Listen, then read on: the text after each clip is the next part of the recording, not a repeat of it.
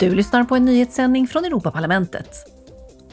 Medan FNs klimatkonferens COP27 pågår i Egypten har parlamentet och rådet kommit överens om striktare regler för växthusgasutsläppen i medlemsländerna.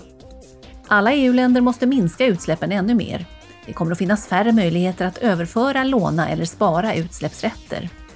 För att öka medlemsländernas efterlevnad av det här ska EU-kommissionen se till att EU-ländernas insatser offentliggörs på ett lättillgängligt sätt.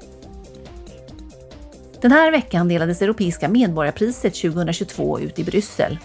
Priset delas ut av Europaparlamentet varje år och går till människor eller organisationer som ökar förståelse och integration mellan människor i EU. Projekten ska vara gränsöverskridande samarbeten som stärker en känsla av samhörighet i EU. I år fick parlamentet in 300 nomineringar, 30 av dem vann.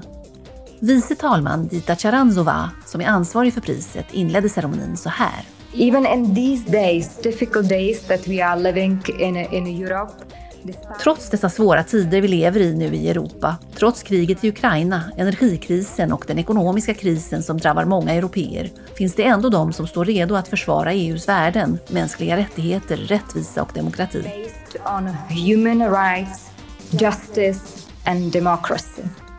Promote Ukraine, en mötesplats för civilsamhället, opinionsbildare och mediefolk i Bryssel, fick ett särskilt erkännande.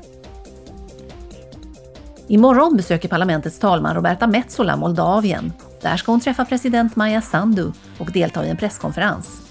Talmannen kommer också att tala vid en särskild plenarsession i Moldaviens parlament. Du har lyssnat på en nyhetssändning från Europaparlamentet.